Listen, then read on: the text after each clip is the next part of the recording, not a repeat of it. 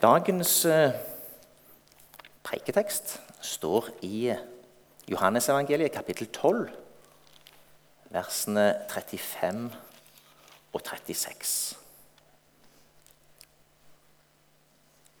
Jesus svarte, 'Ennå en liten stund er lyset hos dere.'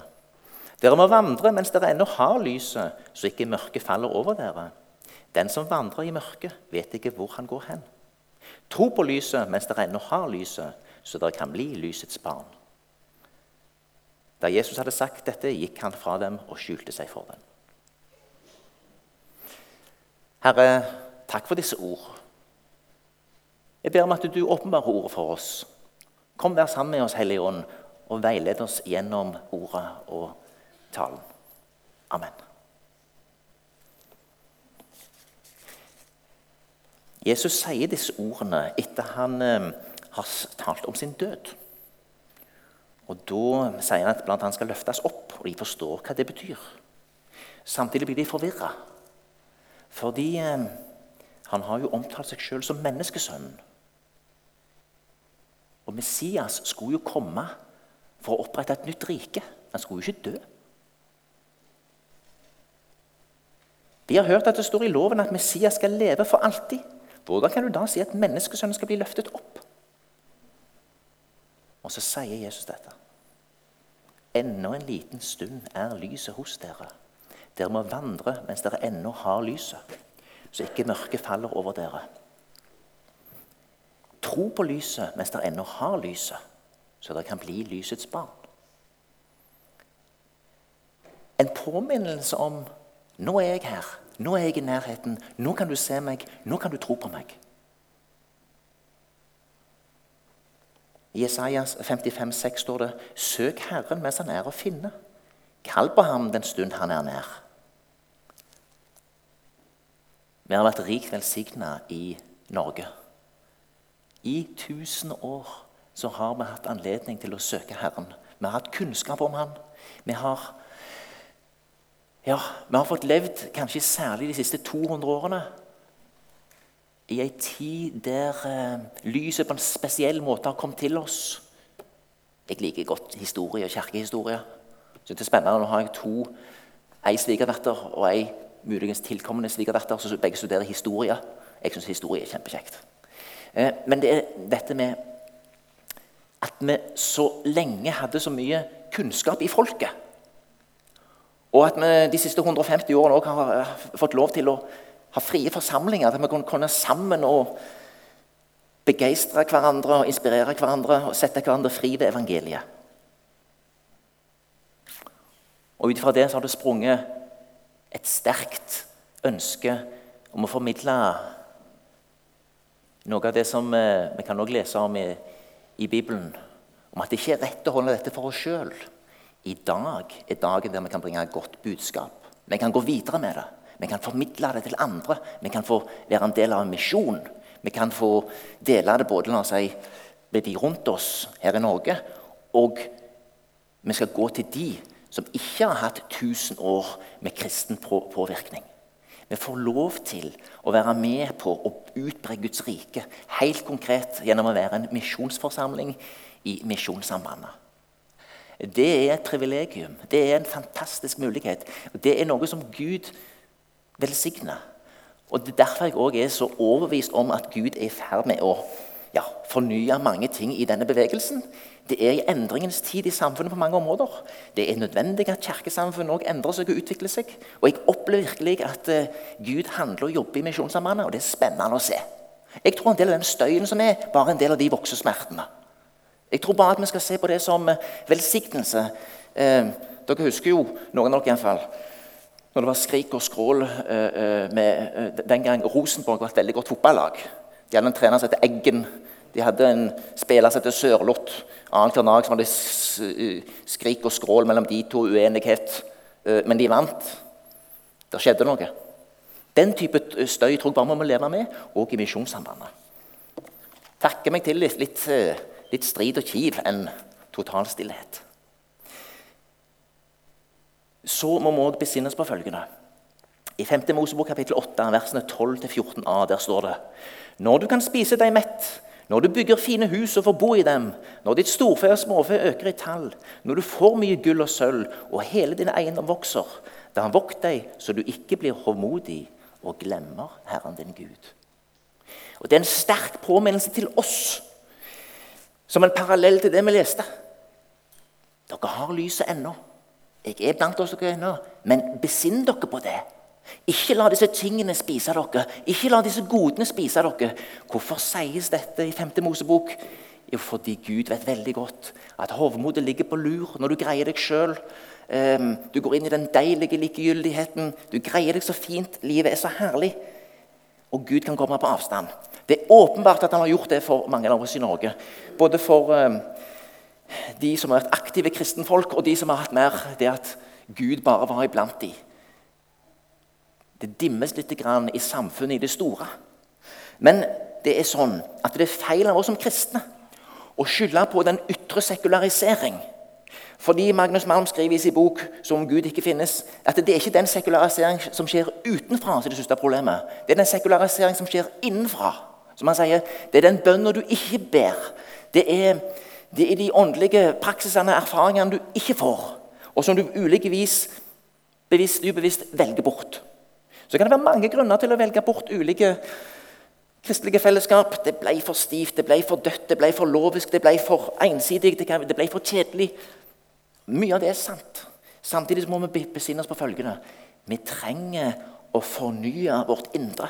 Vi trenger å fornye tror jeg, både en del språk, en del praksiser. Og i det så tror jeg det ligger mye velsignelse. Jeg tror at mange av oss lengter etter dypere, et dypere indre liv. Eh, en dypere erfaring av Guds nærvær. En dypere eh, berøring av at Gud er der og handler med oss. Francis Schaeffer i bok 'He is there and he is not silent' syns jeg er en fin tittel. Han er der, og han er ikke stille. Han er der for den som vil se. Det er viktig å åpne øynene. Og så må vi hjelpe, oss, hjelpe hverandre med praksiser som gjør at vi kommer inn i dette erfaringsrommet. Og Her er det mange ulike veier. Jeg håper dere alle som er har hatt foreldre, og at de har vært gode foreldre. Minner om gode foreldre, ting vi gjorde sammen, er fremdeles med å styrke og holde i relasjonen og betydningen av det. Enten det var en tur dere var på, jeg har noen sånne litt sånn sære minner. Jeg husker en gang vi var altså på en rasteplass, og jeg tror vi koket pølser. Pappa har sånn en gasshistorie som fyrtes opp. Og så er man rasteplass og spiser vi pølser sammen på ferie. Jeg tenker på det som et godt minne. Jeg snakket med en annen som sa at den der deilige freden søndag ettermiddag etter vi har tatt oppvasken, og foreldrene mine ligger på sofaen og slapper av, og ingenting skulle skje ah, Deilig. Men noe av det samme er det i vår relasjon til Gud, vår far. Til Jesus Kristus, vår bror og venn, og Den hellige ånd, vår veileder. Det å komme inn i erfaringsrommet, og der minnene og erfaringene faktisk over tid bygger en relasjon som er mer enn minner. Som, som ikke er noen minner om den, muligens noen foreldre gått bort. Nei, men at det er minner som er levende om den Gud som er der, og som har vært der gjennom livet vårt, og som har preget oss og formet oss gjennom konkrete erfaringer og berøringer. Så finnes det en helt egen utfordring kanskje i det evangelikale kretser. som kan være litt sånn Kristoffer Inge, du må ikke betone denne erfaringen for mye, for det kan føre oss bort fra Kristus. Jeg tror ikke det. Jeg tror altså at alle former for erfaring og berøring bare la oss si, gjør at vi blir mer og mer Eh, overbevist om at Gud er der, at han har noe å si oss. At hans evangelium, hans gode vilje for menneskene, eh, med å eh, få høre nyheten om Jesus Kristus og få leve i det Jeg tror at enhver praksis som trekker oss inn i gudsnærværet, er av det gode.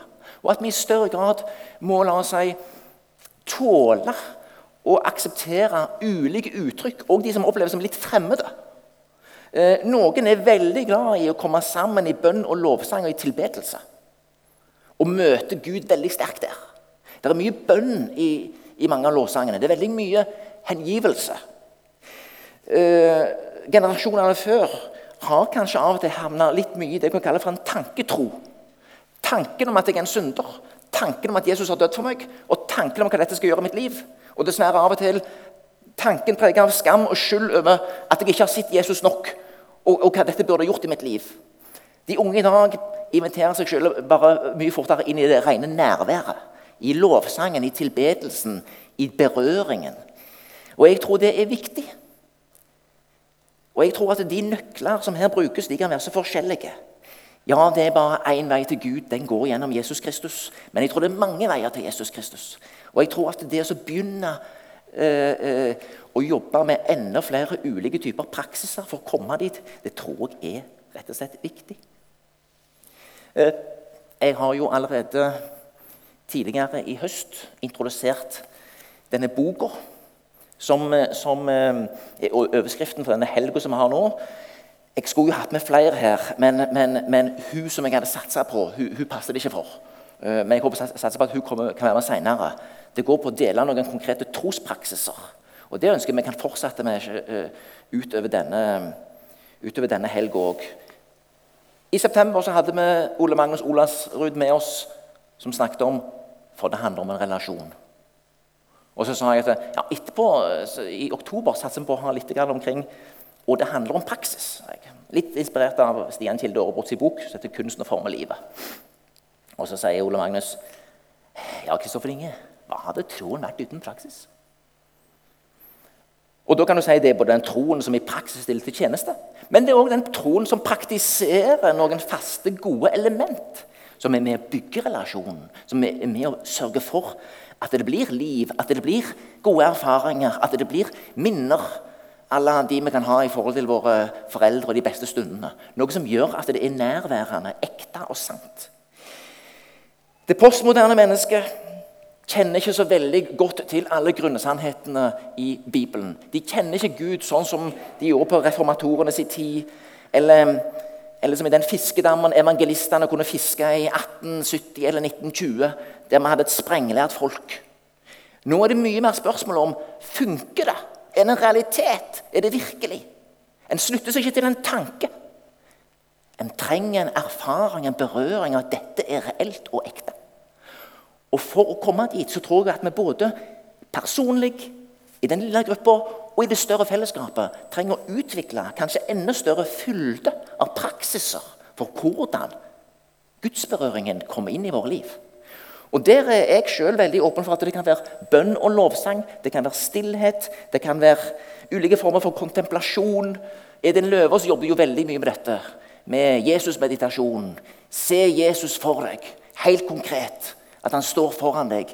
Gå dypt inn i det. Bruk forestillingsevnen din. Bruk alt du har, til å lese deg inn i bibelteksten. Som et eksempel ulike typer erfaringer som hjelper oss i å erfare gudsnærværet i praksis. Ulike praksiser som hjelper oss dit. Det tror jeg vi trenger mer av. Så må vi først stoppe litt opp da, og si som følgende Det jeg snakker om her, er jo ikke så veldig, veldig nytt nytt. For hvis du ser hen til hva vi faktisk gjør nå så kommer vi sammen søndag klokka 11. Og jeg må bare si, Ingen praksis har betydd mer for kona meg og ungene våre enn at vi søndag klokka 11 stilte i Hafrsfjordkirka typisk fem over elleve. Det var oss. Jeg har sagt det før, men Vår nabo han sto alltid sånn ett minutt på elleve. Siden han med frokosten sin, han skulle ikke i kirka. Så bare sier han Mens vi kjørte Ja, Michael, jeg vet det. Vi var litt seine igjen. Eh, men vi kommer oss i kirka. Eh, og det former deg over tid. Det former deg over tid å ha en sånn vane. Den er betydningsfull. Eh, og Jeg sier ikke mer søndag klokka 11, men det er et veldig godt tidspunkt. Det fungerer som regel veldig bra. Så det er ikke uvesentlig hva vi gjør. Jeg tror det er bra å ha bønn å ha fast bønn. Jeg er glad i forsamlingsbønnen vår. Tror, det er bra å ha trosbekjennelse. Det er bra å ha synsbekjennelse. Skal jeg si noe, så tenker jeg altså at det kirkesamfunnet som vokser opp nedentil nå, i denne misjonsbevegelsen, de burde kanskje bygge noen liturgier rundt de plakatene som vi hadde her nede for en stund siden. eh, fra Romerbrevet kapittel 10. Hvordan kan de høre dersom ingen forkynner? Tenk om vi sier det høyt sammen hver søndag. Kan hende det former misjonsiveren vår mer enn mange helt konkrete prosjekter som vi ser. Fordi det du sier, og det du gjør, former deg over tid. Praksisene dine former deg, sier denne mannen. Han sier det på en sånn måte med vitenskap og med underbygging av kilder som gjør at det faktisk går inn for oss moderne mennesker. Det høres ikke bare ut som oldemor vår som sier at det må du gjøre, det er lurt å gjøre. Han sier det på den måten som gjør at dagens mennesker kan ta det inn. Han begrunner det i hjerneforskning. Men at, at de gode vanene som oppfordres i Bibelen, òg kan vise seg igjen i hjerneforskning, det er jo ingenting å lure på. I Daniel 6,11 så ser vi at Daniel på tross av det utlyste et påbud fra kongen om at de som ikke tilba, de som tilba noen andre enn kongen i bønn eller sånt de neste 30 dagene, de vil havne i løvehula. Allikevel så går Daniel inn i huset sitt, opp på rommet sitt, og så vender han seg til Gud, som det står så snart Daniel fikk vite at skrivet var sendt ut, gikk han inn i huset sitt. I takkammeret hadde han åpne vinduer som vendte mot Jerusalem. Tre ganger om dagen falt han på kne for sin Gud med bønn og lovprisning, akkurat som han hadde gjort før. Hvorfor gjør han det? Han er forplikta og overbevist om at å lye Gud mer enn mennesket er det eneste rette. Hans relasjon til Gud lå langt foran farene med å ende opp i løvehula. Og han visste jo hva over tid dette hadde gjort med han. Hvis vi leser litt innaboks og tenker oss litt om, så har vi ofte Daniel som sånn et forbilde. Våg å stå som Daniel. En modig mann som tørde å utfordre, og som tørde å la seg bli kasta i løvehuler. Hvis vi ser på det åndelige aspekt som ligger bak Daniel var ved hoffet. Daniel var en viktig rådgiver for, for eh, babylonske og persiske konger over lang tid. Tror dere den onde likte det? Nei, overhodet ikke. Hva var det som gjorde at Daniel hadde denne spesielle visdommen og gaven og alle åpenbaringene sine? Tror vi hadde det noe med at han vendte seg tre ganger til dagen i bønn og lovprisning? Klart han hadde det. Klart det lå der.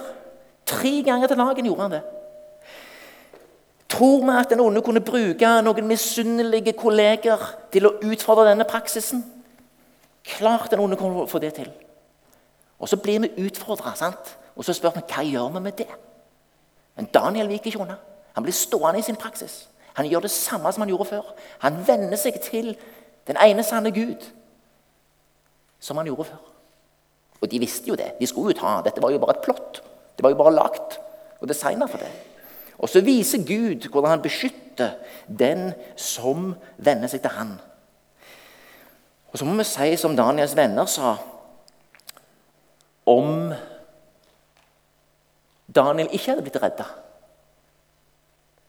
så hadde det for vennene til Daniel antagelig heller ikke gjort noen forskjell i hvilken grad de trodde på Gud. For de tror også hadde sånne praksiser. Og Disse praksisene hadde bygd relasjon over tid og gjort Daniel til den han var. var i fall absolutt med på det. Og Her ser vi en ting som er veldig viktig. Det finnes en relasjon, men praksisene hjelper deg til å bli stående i relasjonen og bygge den opp. Derfor er praksiser og vaner viktig. Stian Kilde Aabrot skriver litt om seg selv i innledningen her, at han var en, sånn en, eh, en fyr som ikke var opptatt av faste ting før. Han syntes liksom, det var veldig uåndelig. Eh, det skulle liksom komme dettende til deg sånn uten videre. Det var det åndelige. Men så får de besøk av Eden Løvaas. Og Eden Løvaas sine innspill gjør noe med dem. Han ser at det å ha gode vaner som former deg, har noe å si. Og jeg tror at eh, vi òg fort er der. Vi har jo liksom de der som ja, Noen liker det fritt, og noen liker faste ting. Sant? Det vil alltid være en spenning her. Det har det alltid vært. Men jeg tror i vår tid, sånn som jeg erfarer i forhold til det postmoderne mennesket og Dette skriver han mye om i denne boka. Jeg håper han har flere bøker tilgjengelig i framtida liggende til, til eh, salg. Eh, og Jeg drømmer om at noen av dere bruker denne boka kanskje i smågrupper til å utfordre dere sjøl på praksis av eget liv. i smågrupper og kanskje utfordre det større systemet på det òg. Men, men eh, Stian Kilde Aarebrot eh, er jo altså opptatt av at praksisene over tid former oss. De gjør noe med oss. Eh, det er ingen tvil om at det, det er en sammenheng mellom det vi gjør, og de vi blir. Det er ingen tvil om at, det at dere kommer her søndag klokka 11 som en god vane. Over tid former dere og utvikler relasjonen deres til den ene sanne Gud. Det har noe å si.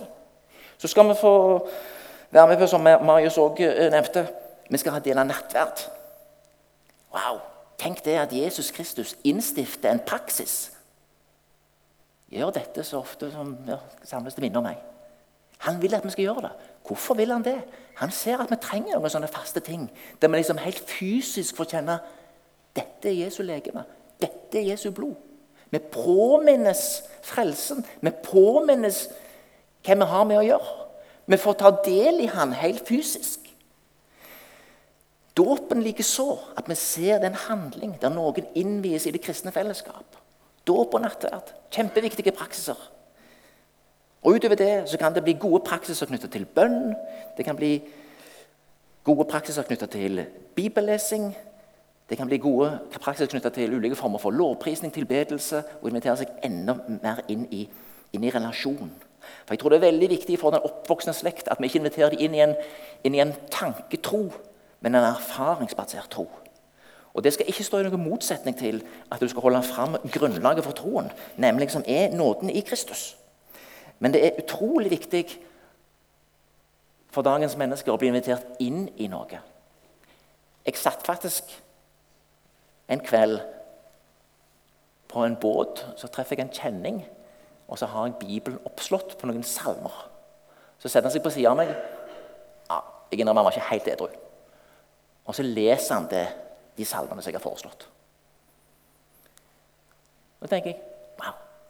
Jeg kan invitere mennesker som ikke er så ofte i bedehus og kirke, inn i å lese ordet sammen med meg. Jeg drar kanskje litt langt nå, men jeg tror det er en helt egen evangeliseringsstrategi med å åpne kirker og bedehus i større grad for det du kan bare for opplesing av salmer, f.eks. Opplesing av bønner. At folk kan få delta i det. De kan lese høyt hvis de vil på skjermen, eller de trenger ikke. Jeg tror at det kan være en vei inn til tro, for du kommer sammen og praktiserer og gjør noe. Og Det inviterer folk inn i noe som Stian Stian og Robert også sier. Litt, la de invitere dem inn i praksiser litt før de har troen helt på plass. Det tror jeg er kjempeviktig. For Av og til gjør vi terskelen veldig høy. Du må ha sett så veldig og forstått så veldig mye før du kan være med på dette. her. Hvis vi kan invitere dem inn og bare lese, så hjelper det. Til slutt, jeg skal runde av litt her nå. Det personlige De personlige praksisene våre. Jeg har én praksis.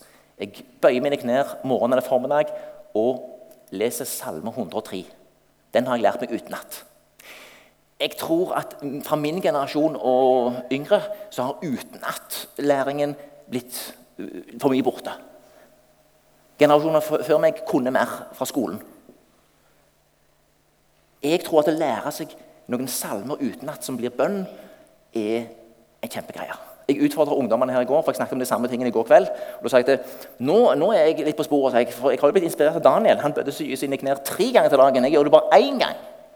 Så nå har jeg tenkt å utvide til én gang til. Og da har jeg tenkt å lære meg Salme 25 utenat. Så nå utfordrer jeg seg. Nå vil jeg bare se de neste tre månedene hvem som lærer seg Salme 25 fortest utenat. Om det er en person på 27, eller om det blir meg.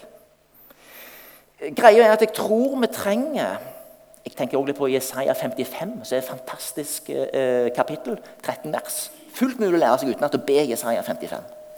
Jeg tror vi trenger å komme dit at vi hjelper hverandre helt konkret med disse praksisene. For som jeg sa der i går Det er jo fort gjort seg at det, vi fort ender opp i at det blir fjernkontrollen og spillkonsollen og chipsposen før det blir ei bønn. Og Så kom møtelederen opp i går og så sa han, Kristoffer Enge, i dag morges når jeg sto opp, så skrudde jeg på TV-en, holdt litt på med spillkonsollen og spiste litt chips. Så der traff han litt. Men vi trenger å hjelpe hverandre med konkrete praksiser. Vi trenger å utfordre hverandre på disse tingene. Og jeg tror at i den lille gruppa så tror jeg det er en god ting hvis vi kan eh, hjelpe hverandre med enkle ting og øvelser. Vi hadde ei skjønn lite åpen bibelgruppe her i Salem en onsdag i vår. Da sitter vi sammen og så leser vi fra Efeserbrevet. Vi begynte med å be. Så leste vi ett kapittel, og så ba vi igjen, og så delte vi det vi hadde fått. Vi ble jo aldri ferdige. Vi kom jo ikke lenger til kapittel 1. Ja, der satt jo mange folk der som hadde litt ø, ø, kunnskap. Men jeg tror likevel en praksis sånn som dette her Be. Les et kapittel. Stopp litt. Be. Les videre. Stopp litt. Be. Les videre. Underveis der så er det noe som skjer. Underveis er det noen som får noe. Det er løfter knytta til eh, at den, når vi søker Herren, så, så svarer Han oss. Det er fullt mulig å få en erfaring med at wow, Gud ga oss noe her.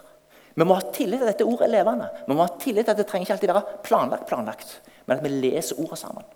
Så jeg tror altså at det, Smågrupper som i større grad baserer seg på å lese ordet, kan ofte være mer fruktbart å komme inn i gode praksiser rundt det, enn at vi sitter og grubler over ting vi ikke helt forstår.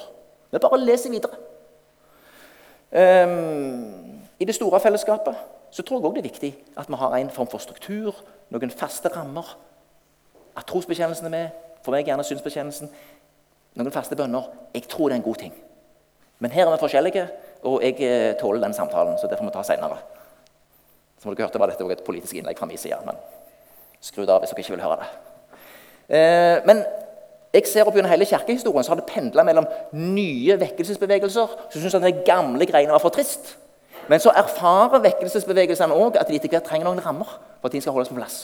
Fordi ingenting er verre enn det tvangsinspirerte, der noen gir inntrykk av at det er så veldig veldig inspirert, og så lukter du at det ikke er det. Det er verre. Da er det faktisk bedre å ha noen gode rammer. Så jeg vil eh, at vi skal fortsette med dette. Nå har jeg utfordra noen unge i Salem Ung. Litt teit å si det, kanskje. De er jo unge, de i Salem Ung. Men noen eh, som vil være med på den neste lekken, som jeg håper kan vare lenge, kanskje helt fram til neste vår. Overskriften kan bli 'Kan det bli bønn?' Kan vi hjelpe hverandre i Salem med ulike bønnepraksiser? Kan vi dele hva vi gjør? Kan vi dele med hverandre på møter? Hva vi gjør i vårt bønneliv? Hva vi gjør i den lille gruppa? Hva vi gjør sjøl? Jeg vil vi skal begynne der. Dele mer av hva vi faktisk gjør. Og hjelpe hverandre. For det tror jeg vi trenger. Vi er i tid der vi trenger å hjelpe hverandre inn i de gode praksisene. Slik at det som står her, blir sant. Dere må vandre mens dere ennå har lyset, så ikke mørket faller over dere. La oss mens det ennå er på sporet, la lyset skinne enda mer inn i våre liv gjennom gode praksiser.